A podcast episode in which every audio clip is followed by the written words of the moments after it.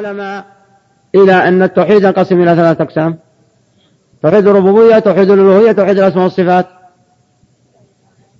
إيش الفائدة من هذا؟ نفسه جواب الأخ.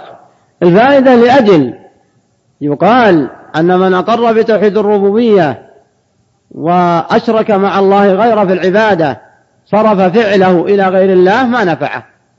كفار قريش يقولون توحيد الربوبية. قل من يرزقكم من السماوات والأرض؟ شو يجاوبون الرسول؟ ما يقولون الله. قل من الأرض فيها ما يقول سيقولون لله من رب السماوات السبع رب العرش العظيم ما سيقولون لله ها. جاء دعوات إما عن جهل وإما عن قصد لاستقطاب جماهير. والمسألة ما هي مسألة استقطاب جماهير. فركزوا على توحيد الربوبية عند العامة. وأخذوا يجيبون تحت الخالق الرازق القادر المحيي المميت. يقشعر الجلد. يقول سبحانه صحيح. لكن لكن عطنا أفعالهم. علمهم ماذا يريد منهم هذا الخالق الرازق. وإن الكائنات فيها كذا وكذا أقرت به النصارى وأقرت به اليهود. ما درى هذا الداعية المسكين النغشيم يا حبيبي النصارى واليهود مقرين إن الله خالق. إلى منك عاد وجدت لهم وجدت لهم شيء مخلوق خفي في الأرض. واعترفوا وقالوا صح هذا خلق الله. هم عارفين من قبلك. النصارى واليهود ما ادعوا اننا خالق آخر. ابدا ما في أحد. إلا ثلة من الفلاسفة والدهريون. والدهريين. ولا اليهود والنصارى والوثنيين والمشركين وعباد القبور وعباد الأحجار وعباد يقولون الله خالق الرازق. إذا إذا عرفتهم الخالق الرازق قل تعالوا ما حقه عليكم؟ مثل دعوة محمد بن عبد الوهاب التي مشى بها على إثر دعوة الرسول عليه الصلاة والسلام؟ الرسول أول ما جاء للكفار قريش. حقف عليهم يقول قولوا لا إله إلا الله. على طول عرفوا معناها. فشغبوه. قالوا لا إله إلا الله. هذا تسب آلهتنا عرفوا على طول. علم عليهم قاصر. لا إله إلا الله. معنى آلهتنا هذه الأشجار والأحجار والأموات نلغيها. ولهذا ردوا عليه قالوا أجعل الآلهة إله واحد إن هذا لشيء عجاب. يقولونه تعال أنت وراك ليش كذا تسب أصنام؟ ما تبي نعبد آلهتنا؟ ولا ما سبب لكن يقول ما تبي نعبدها. أنت تبي أموال وتسكت أنت تبي بنات أنت تبي قولوا لا إله إلا الله تفلحوا. هذا ما أمرت به. إن أطعتموني فهذا ما أمرت به. وإلا فبيني وبينكم الله. هذه الدعوة الصحيحة الدعوة لشهادة أن لا إله إلا الله. والدعوة يعني الدعاء لها. وتبين لها وتبين معناها. فلهذا ظهرت في الجزيرة ورفعت رايتها ولله الحمد والمنة على يد هذين الرجلين. وإلى الآن ولله الحمد أثرها ونرجو أن الله يثبتهم ويزيدهم من الخير كل راية في العالم اتنكس إلى جت المصايب إلا ولله الحمد رايتنا لماذا؟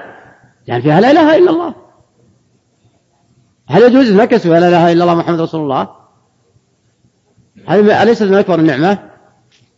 ولهذا يجب على أي مسلم أن يتعلم حقيقة هذه الكلمة.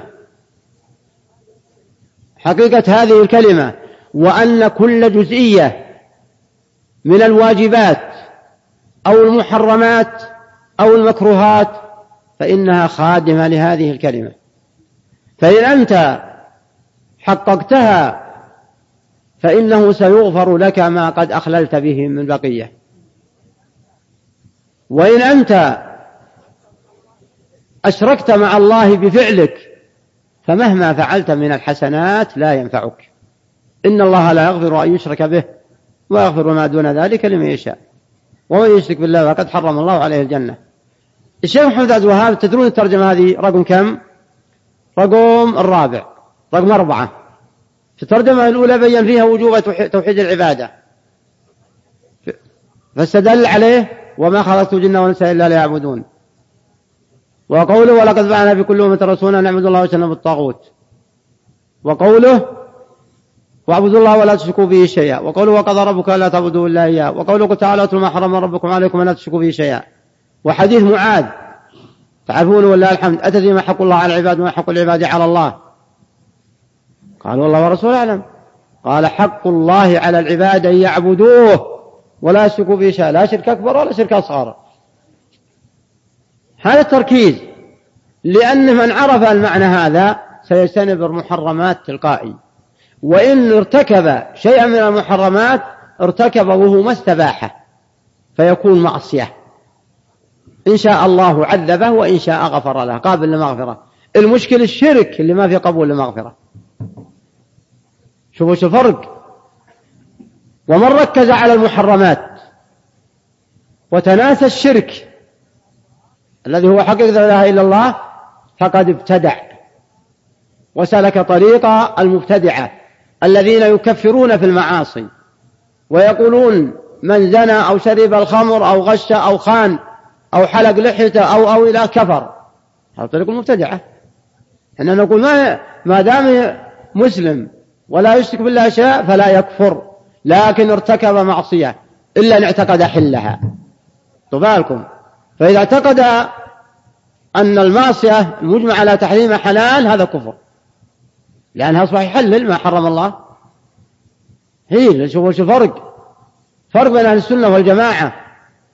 أهل السنة والجماعة ماشيين على سنة الرسول والصحابة. فيجعلون تحقيق التوحيد أول شيء نفي الشرك عن الله الكبير والصغير. لكن الكبير الشرك الأكبر إن مات عليه خلد في النار نستجيب بالله. وأما الشرك الأصغر كالحلف بغير الله إذا مات قبل, قبل أن يتوب فهذا يعذبه الله ثم مآله إلى الجنة. لكن هل العذاب واقع عليه؟ لأن الشرك يدخل تحت قول إن الله لا يغفر الشرك به؟ نعم. لكن تخليد ما يقع إلا لصاحب الشرك الأكبر. فما أوسع فضل الله. فلنتنادى لمعرفة لا إله إلا الله والدعوة إليها. فأول باب رحمة الله عليه جعل دليل على وجوب توحيد العبادة. الرسول قال علم علم معاذ. حق الله على العباد يعبدوه ولا يشركوا به شيئا. وحق العباد على الله ألا يعذب من لا يشرك به شيئا. يعني لا في النار. نجيب النصوص الأخرى. فجمع أهل السنة والجماعة النصوص فقالوا المراد هنا لا يخلده بل مآله إلى جنة إذا مات ولم يشرك. إذن لا ينبغي لأي داعية إلا أن يعرف هذا المعنى أولا ثم يعرف كلام أهل السنة والجماعة في المبتدعة يعرف الابتداع وش معناه ويعرف أصحاب المعاصي وش معناها. الحين البدعة يا أخوان من عمل عملا اعتقدها دين ولو إنها قليلة هذا معناه مشرع مع الله. أم لهم شركاء؟ شرعوا لهم من الدين ما لم يأذن به الله هذا تسمى بدعة. لكن تعال لو تجي لمسلم وتلقاه مع حرمة أجنبية يقبلها ويلعبها وزنا بها. هو مسلم. تسأله تقول هي حلال؟ هي قال لها حرام. هذا الفرق. في المعصية من يعرف حرمتها لكن يعملها. هذا نقول خف من الله وترك الأمر خطير. وتب قبل حتى ما تعرض للعذاب. لكن نخرجه من الملة؟ لا. ما نخرجه من الملة.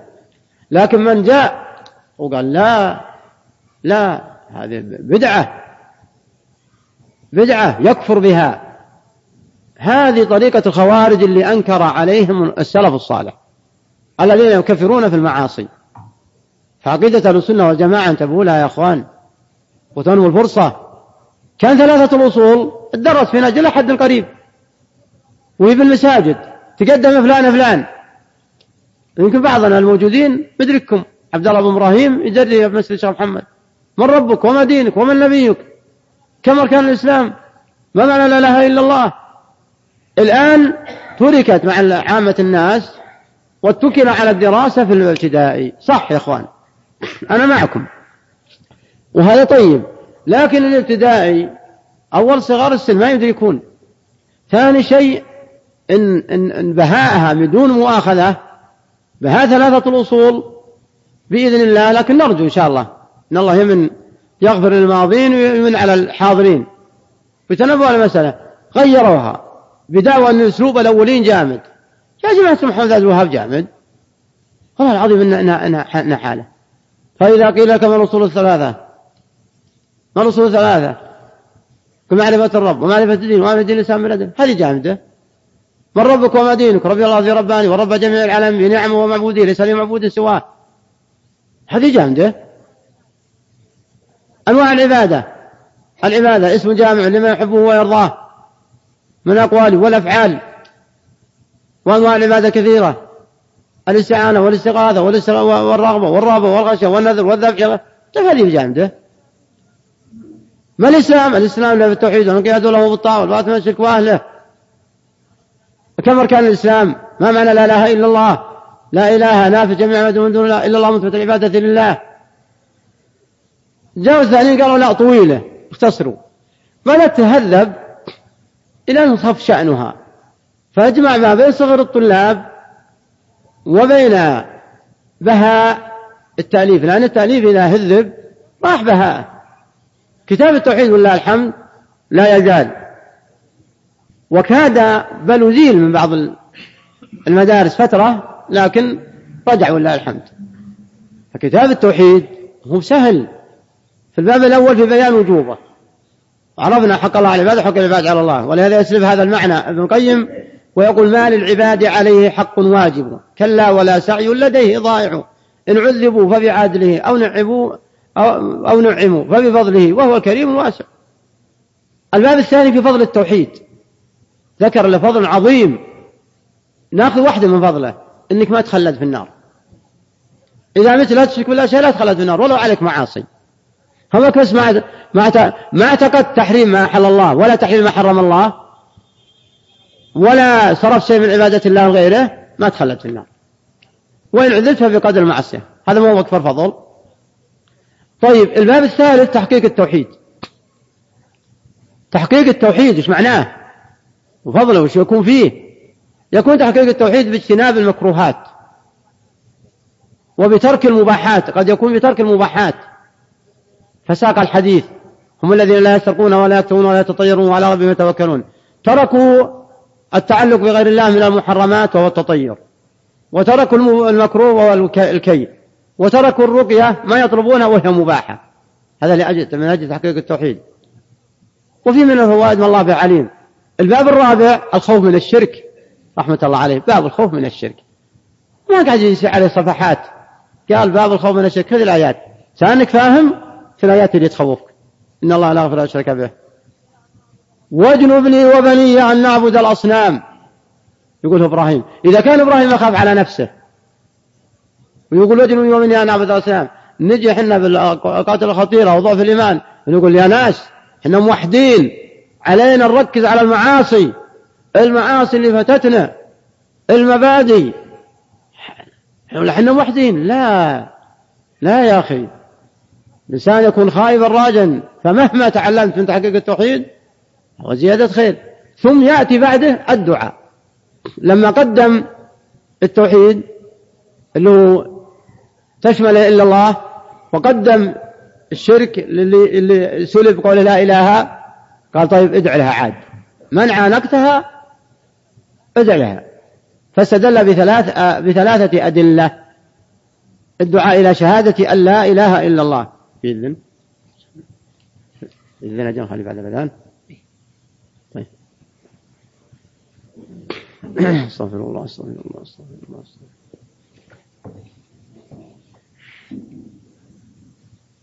عبد الله؟ شوي ولا؟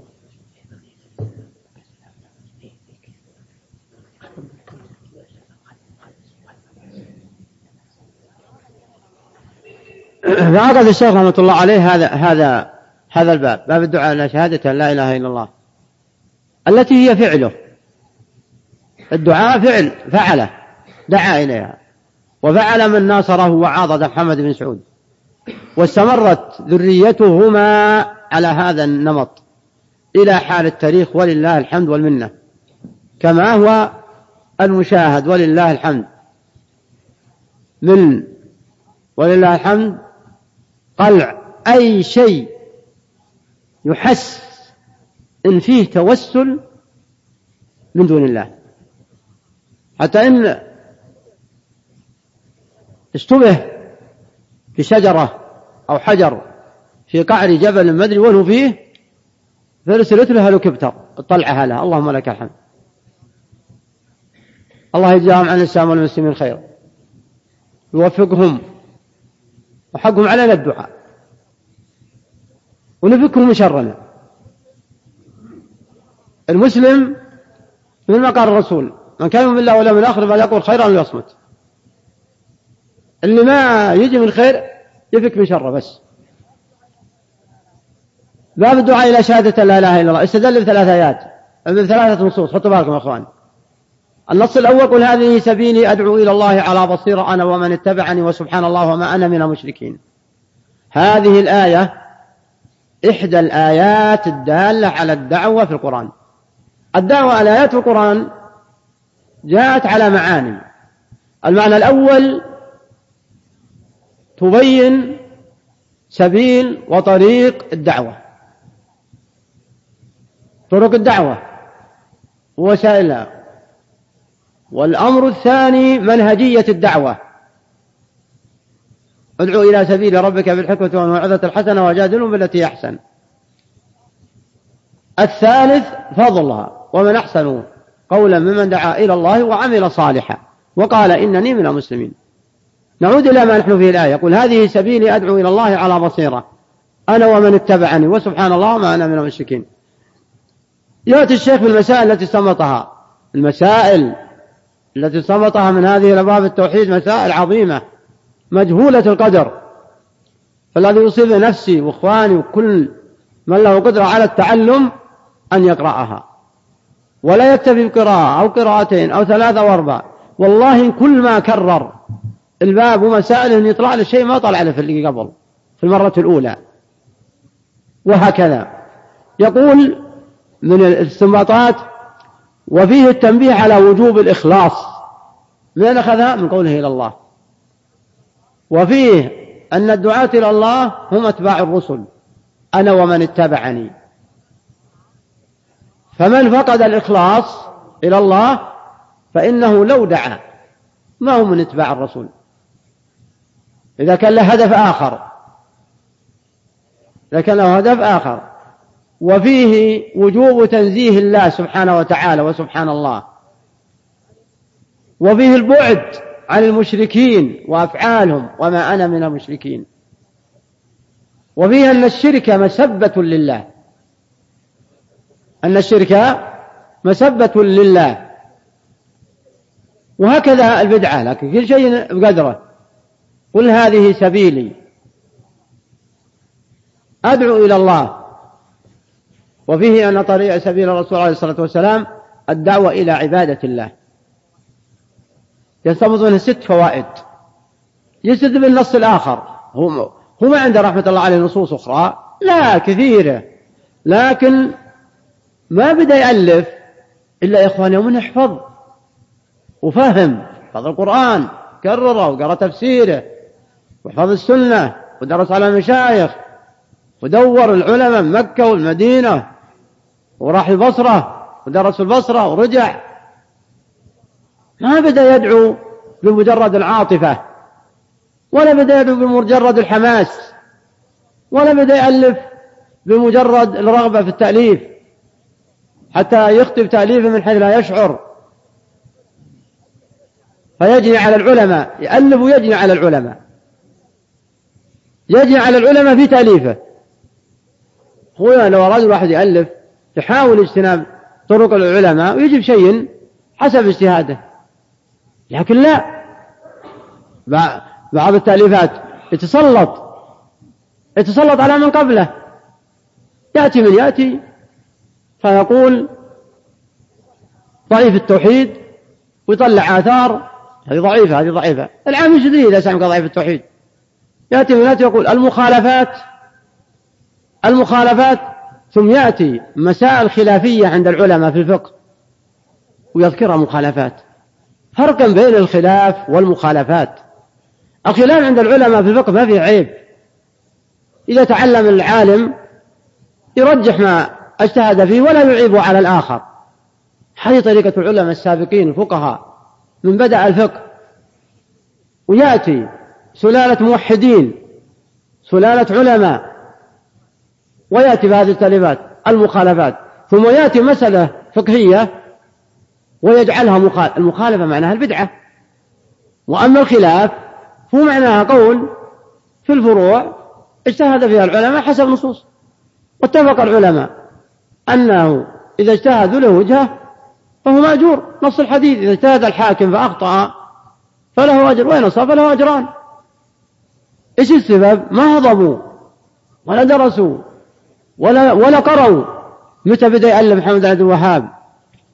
وأشكاله وأبنائه وأحفاده.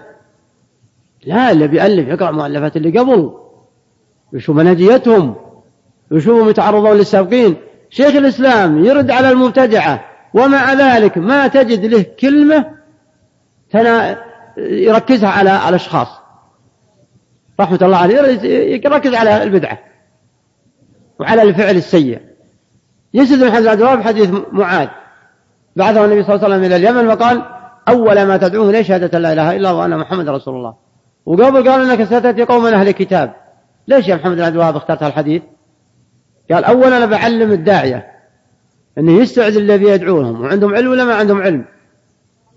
حوس يجي الناس على طول؟ يعطيهم يعرف شيء ما, ما, ما عندهم. إنك ستأتي قوما أهل كتاب. يعني أهل علم استعد لهم. العلم في كتبهم. ثانيا يعلمه الأولويات. فأول ما يدعو إليه الإنسان شهادة لا إله إلا الله. وأن محمد رسول الله. فإن أجابوا فالصلاة. فإن أجابوا فالزكاة. ثم حذره من ظلم الأشخاص. فإن أجابوك للزكاة فإياك وكرام أمرنا وتكدوا المظلوم. ففيه الأول الذي يبدأ به الإنسان. هل الذي يبدأ به. يبدأ به يترك يا إخوان. يبدأ بشهادة لا إله إلا الله ويتركها. وإذا كان في مجتمع مسلم كمجتمعنا وبدأ يألف يترك التركيز على لا إله إلا الله. يقول خلاص إحنا نقول لا إله إلا الله. لكن نبي نروح لما الأمور الثانية المعاصرة اللي ما يعرفونها علماء الأولين. علماء الأولين مساكين من زوين. ما يعرفونها. إحنا اللي نعرفها. هل يعني هذا؟ هل هذا الحديث يدلنا على أن يترك شهادة لا إله إلا الله وما اقتضته وأن محمد رسول الله ثم يروح يركز على أمور لا تعقلها العامة؟ بل يوقع بها الحيرة عند المتعلمين بل ينال إلى شيء من المتعلمين يقول الله هذا ما يفهمون هذه معاصرة قضايا معاصرة. هل هل تؤمن أن هنا معاصر ما جاء به الشرع؟ بالله عليكم لو تسألون أي واحد قضايا معاصرة. هل يقر بهذا؟ لكن ما فكر هو اللي يقولون الكلام ما فكروا بهالسؤال. ولا جاء واحد قال تعال من فضلك. هل تؤمن وتصدق وتقر أن هناك أمور معاصرة ما ما جاء بها الشرع؟ لا. يبي يقول لا. نقول له طيب. إذا صار لا معلش جزاك الله خير. يعني هل معروفة هل أنت؟ قد يقول نعم نقول صحيح. إذا كان نعم ركز عليها هي. ركز عليها هي. مو تركز عليها وتنال من غيرك. هذه غلطة. وكل أمر بمعروف أو نهي عن المنكر أو نهي عن منكر سلك هذا الطريق بمعنى أنه ركز على من لم يغير وترك التركيز على نفس المعصية. فإن هذه غير طريقة. ليست طريقة الرسول ولا الصحابة ولا العلماء. ركز على المنكر كمنكر. واستدل عليه. واستدل عليه. ولا يكون الهدف من إنكارك أن تحدث منكرا آخر. وهو ما جعل ما جعله الله ورسوله أصلا من أصول الإسلام والإيمان. لا تجعل هدف لتفريق الكلمة المجتمعة. على الحق. أما اللي على باطل الله يفرجهم الله يقويك. أي نعم. يمكن يقول إيه الا صار مجتمعين على الباطل لا لا. مجتمعين على الباطل أنا أحتفظ النفس من الان لكن مجتمعين على الحق. مرفوعة عندهم أعلام لا إله إلا الله. شعائر الإسلام. مقامة الجمعة والجماعات. مقام لله الحمد ومنها الحج. مؤمنة الطرق مقام الحد إذا ثبت مستوفى الحقوق من أهله. القضاء قائم. وش لك؟ وش للتركيز على منكر عرفته؟ هذا ما يضر صاحب المنكر. هذا ما يضره. ممنون لأنك تعديه تهدف غيره. فلهذا قال فليكن أول ما تدعوهم إليه شهادة لا إله إلا الله. ولا تصبهم وأثرهم يثروا ضدك. فالأصل أصل اجتماع المسلمين على إمام واحد على قائد واحد على حاكم واحد أصل من أصول الإسلام ومن أصول الإيمان. نص القرآن. يا أيها الذين آمنوا اتقوا الله حق تقاته ولا تموتن إلا وأنتم مسلمون واعتصموا بحبل الله جميعا ولا تفرقوا. والمنكر تقول والله ذا كذا حرام وهذا حلال هذا جيد جزاك الله خير. والله يجيبك. النص الثاني نص بعث علي يوم الرسول حاصر خيبر كان الرسول عليه الصلاة والسلام حاصر الخيبر. قال لأعطين عشرين يوم عليه الصلاة والسلام وهم حاصر اليهود. ثم قال لأعطين الراية غدا رجلا يفتح الله على يديه. الناس الصحابة رضي الله عنهم سبقين الخير. ذات يد كل واحد يقول عسى منه. يا رب أن تجعلها لي. من حبهم للخير يدركون ليلتهم أيهم يعطاها. فلما أصبحوا قال وين علي؟ علي بن أبي طالب. فجاء به قدونه برمد بعيونه رضي الله عنه وأرضاه. فبصق في عينيه فزال الأثر فأعطاه الراية. فقال انفذ على رسلك حتى تنزل بساحته ثم ادعو من الإسلام. فإنما جابوك فأخبرهم بما وجب, بما وجب الله عليهم من الحق من حق الله بما وجب الله عليهم من حق الله. فوالله لأن يهدي الله بك رجلا واحد خير لك من حول النعم. شوف شلون استنباط الشيخ مجيء, مجيء بهذا الحديث العظيم. يعني أن البدء هو للاستسلام لهذه الكلمة لا إله إلا الله. ثم جاء يستنبط الفوائد.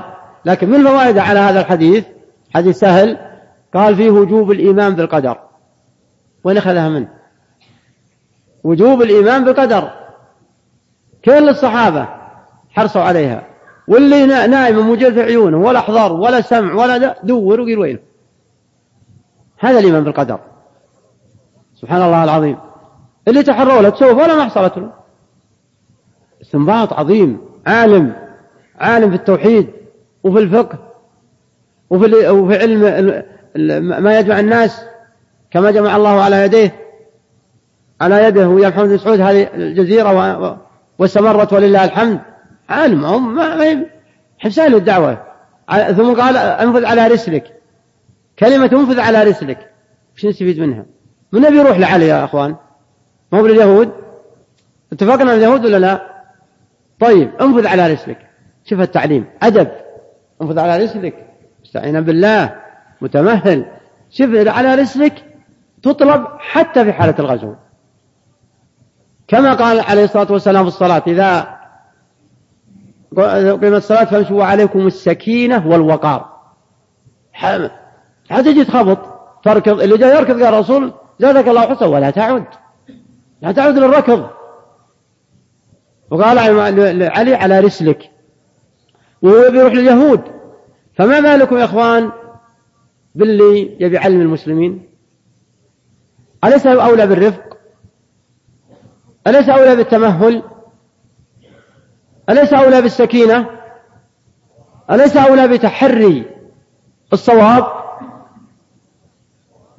الرسول ما قال يلا يلا أنت قياهم اركض لهم وخذهم. لا انفذ على رسلك ثم ابدأهم على شوي شوي. أول ادعوهم للإسلام لشهادة لا إله إلا الله. هذا أول شيء. بعد ذلك أخبرهم بما وجب عليهم من حق الله تعالى ثم بين له الفضل. في الشاهد على رسلك لا يفوتنا المعنى ارجعوا لها في مسائل التي استنبطها. فإن منهج الدعوة أصل أصل ما يدعى له ومنهج الدعوة إذا لم يؤخذ من منهج الرسول عليه الصلاة والسلام ومنهج الصحابة ومنهج العلماء فمآله الأثر العكسي. وفي الحقيقة كان بودي أن أستعرض تراجم آه، بقية كتاب التوحيد لكن الوقت على كل حال انتهى. لأنه تعرض لكل ما يخل بالعقيدة ولا تعرض للأحكام الفقهية. للأحكام الفقهية. فتعرض لما يفسر لا إله إلا الله وتعرض لما يتعلق به من التمائم والرقى والتولة والخيوط اللي تلبس على الأذرعة والخاتم لدفع الحمى أو لدفع الكذا أو لدفع كذا والتبرك بالأشجار والأحجار والذبح لغير الله والنذر لغير الله والاستعاذة بغير الله والاستغاثة بغير الله وتعرض بالرد على من غلا بالأنبياء ودعوه من دون الله. ثم استدل على ذلك. يعني الأنبياء ما ينفعوا من عيونك الرسول قال الله قال الله ليس لك من أمر شيء. اطلب الله اطلب رب النبي. ما هو تطلب النبي؟ جاب الشفاعة رد على اللي يقولون أننا نستشفع بهم. جاب الرد على من تعلق بالملائكة. جاب قضية الرسول وعمها أبي عمها أبو طالب ما ما ما نفعه الرسول صلى الله عليه وسلم. قال يا عم قل لا إله إلا الله. كلمة نحاج لك بها عند الله. وماتوا وعنده جلساء السوء. يقول أترغب عن ملة عبد المطلب. فلهذا يقول حمزة بن السماطة وفي هذا معرفة مضرة جلساء السوء. جلساء السوء. الرسول يقول لا إله إلا الله جالس خير. وهم يقول أترغب عن ملة عبد المطلب. فنزلت لا إله إلا الله. إنك لا تهدي من أحببت. ما دام الرسول يقول الله إنك لا تهدي من أحببت أنت كذلك أخي المسلم. ادع بتؤاده وعلى بصيرة وعلى بصيرة. إن الله نفع ولا ولا ولك ما ضريت. ففي الحقيقة الدعوة التوحيد في علوم علوم. وفي وفيه أيضا علوم للمتعلم. كيف يدعو وكيف يعلم. لكن يحتاج إلى عناية. هذا ونسأل الله سبحانه وتعالى أن يلهم الجميع الرشد والصواب. وأن يوفق الجميع لما يحب ويرضاه. وأن يثبتنا وإياكم على قوله الثابت وأن يوفق ولاة أمورنا لما يحب ويرضاه وأن يوفقهم لاتخاذ البطانة الصالحة التي تعينهم على الخير إذا ذكروه وتذكرهم إياه إذا نسوه وأن يعيدهم من بطانة السوء وأن ينصرهم على من عاداهم وصلى الله وسلم على نبينا محمد وعلى وصحبه أجمعين.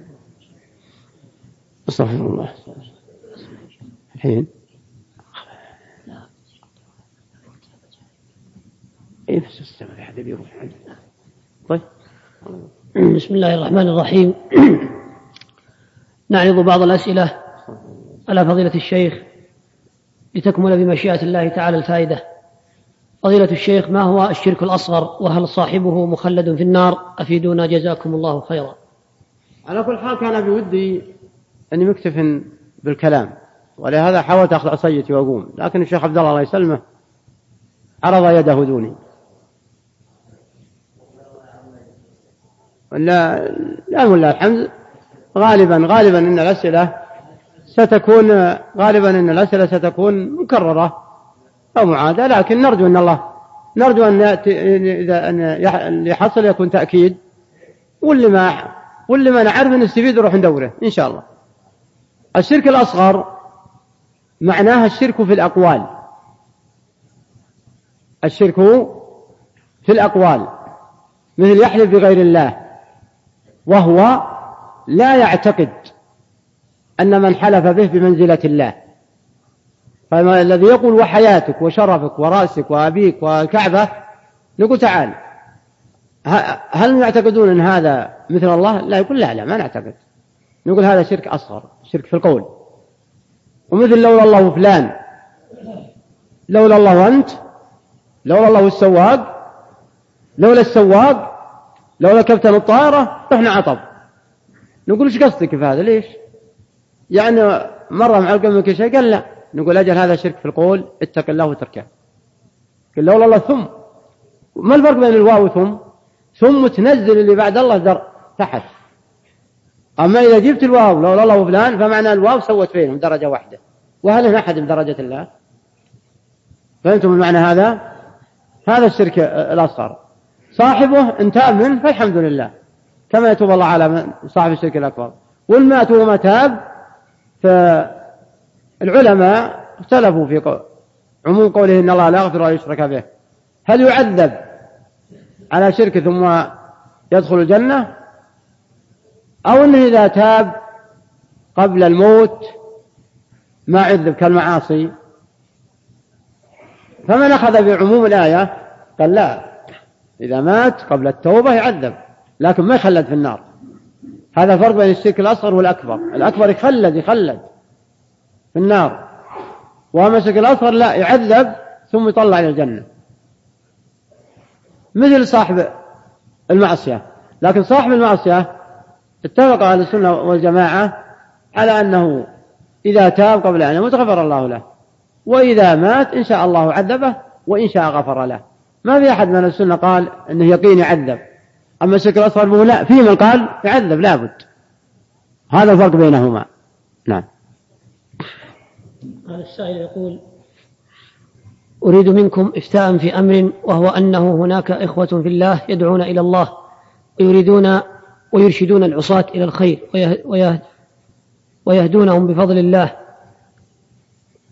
ولكن لا يهتمون بأمور ولا يهتمون بأمور العقيدة التي بعث الله بها رسوله صلى الله عليه وسلم بالدعوة إلى ترك المعاصي فقط. بل يهتمون بالدعوة إلى ترك المعاصي فقط. أما النهي عن الشرك فلا لأنه يفرق المسلمين. فيتركون, فيتركون الذين يطوفون حول القبور والذين يعلقون التمائم حتى لا ينفروهم عن الدين فيحاولون دعوتهم بأساليب لم ترد, لم ترد عن النبي صلى الله عليه وسلم. هل تنصحوني بالذهاب معهم مع أنه يوجد عندهم خروج في سبيل الله للدعوة وأيضا يدرسون السيرة يدرسون السيرة ولا يهتمون بالعلم؟ نرجو الإجابة حفظكم الله. على كل حال هذا هو هو كلامي. من بديت لين انتهيت؟ هو هو نفس هو نفس الكلام. أنت عرفت الإجابة. أن هذه أحد الأساليب الموجودة والمعاصرة وهي عدة أساليب في تقريبا كم منهجية؟ ثلاثة أو أربعة. منها ما هو مشتركات في بعض الأشياء ومنها ما هو منفردات كلها اجعلها جنب واسلك طريق العلماء. تعلم ما ينفعك وما يضرك وتعلم طاعة ولي الأمر لأن أكثر المناهج التي تشير إليها كل مخالفة ولي الأمر عندها أمر سهل وهو من أكبر المنكرات بعد الشرك. فعلى كل حال اللي هو قال معروف منهجيته ما تصلح. يبي يرغبونهم في ترك المعاصي والشرك يضربون عنه صفح فما ما هو صحيح. نعم. هذا رجل آه، فضيلة الشيخ أحسن الله إليكم رجل مرض بمرض القلب مرض في الصمام فقرر الأطباء استبدال صمامه بصمام آخر وهناك في الطب صمامان أحدهما من معدن والآخر مأخوذ من قلب من قلب خنزير. وقد ركب له صمام الخنزير دون علم منه فماذا عليه وما هو الحكم في لو أنه كان على علم مسبق؟ أفيدونا أفادكم الله. على كل حال هذه مسألة جزئية وقد استفصلت عنها وزارة الصحة من هيئة كبار العلماء وصدر فيها ما صدر ولا في فائدة بحث هذه النقطة في مثل هذا المجتمع. لأن ما ما ما ما هي بعمل لأكثر الحاضرين هي عمل للطبيب وللمفتي العام. نعم. ويشمل هذا الجزئيات الثانية القرنية في العين أخذ عين وأخذ يد وأخذ جزئية ثانية. كل هذا محل بحث وجاري من البحوث بين وزارة الصحة وبين المفتي العام الله يحفظ الجميع. ومن نعم الله علينا أنه لله الحمد أن الوزارات أي ما يشكل عليها يرجعون ولله الحمد. للمفتي العام وهذا من فضل الله ثم بفضل توجيه الحاكم ولله الحمد. فلا تظنوا إنها مغفلة لكن ما تهم كل فرد. اللي يهم كل فرد صلاة زكاة صيام حج ما يتصل بالعبادات ما يتصل بالشرك ما يتصل ببعض المعاملات. حطوا بالكم يا إخوان؟ نعم. فضيلة الشيخ أنا قصدي من هذا أن أن نبحث أيضا ترويض أذهان الإخوة. إن ما هو كل سؤال يلزم الإجابة عليه ولا نمسك عرض الذي ما أجاب. لا يا إخوان مو بلازم. مو ضروري روضوا روضوا أذهانكم. كلكم كل الخاص والعام. على أن أولا روض الذهن على نقطة. إن ما هو كل سؤال سيعرفه المسؤول. ولو قال المسؤول أعرفه فليس عيب بل, بل هذا العلم بل هذا الفخر. ثاني شيء ليس كل مجال يصلح بحثه, بحثه على وجه العموم كل نقطة وكل مسألة.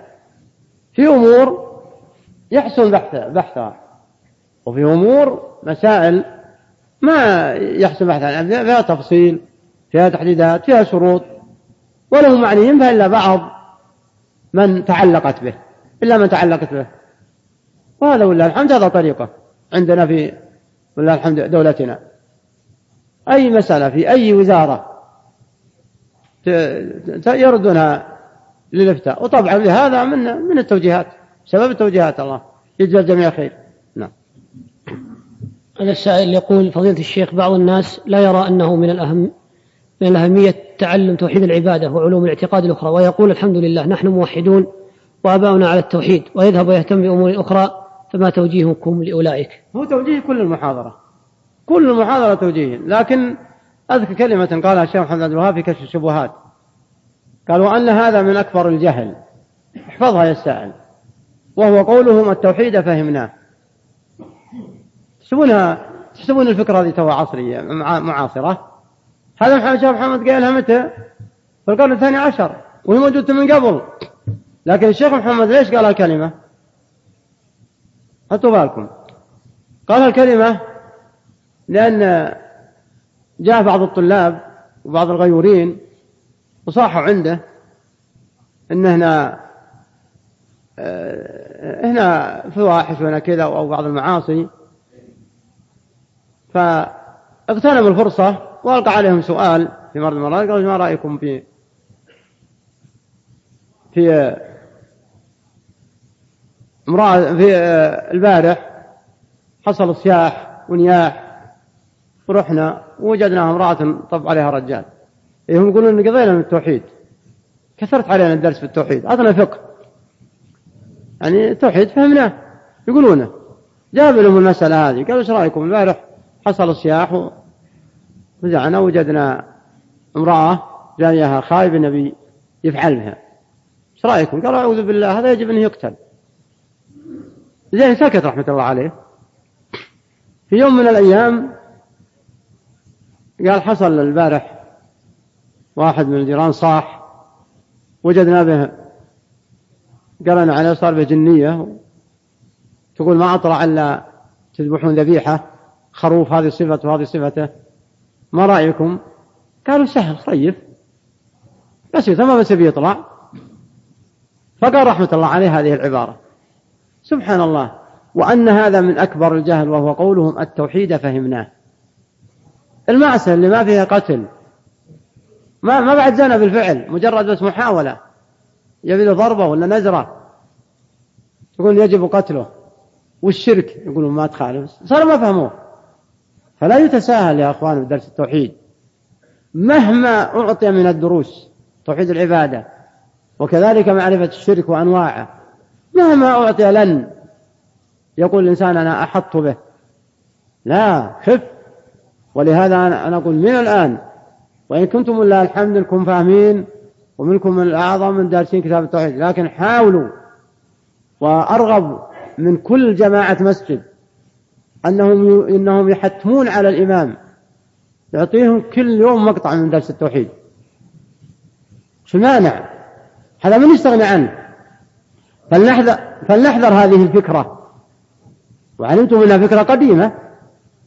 آه، كفار ما التوحيد فهمناه وأن قولنا هذا من أكبر الجهل وقولوا التوحيد فهمناه.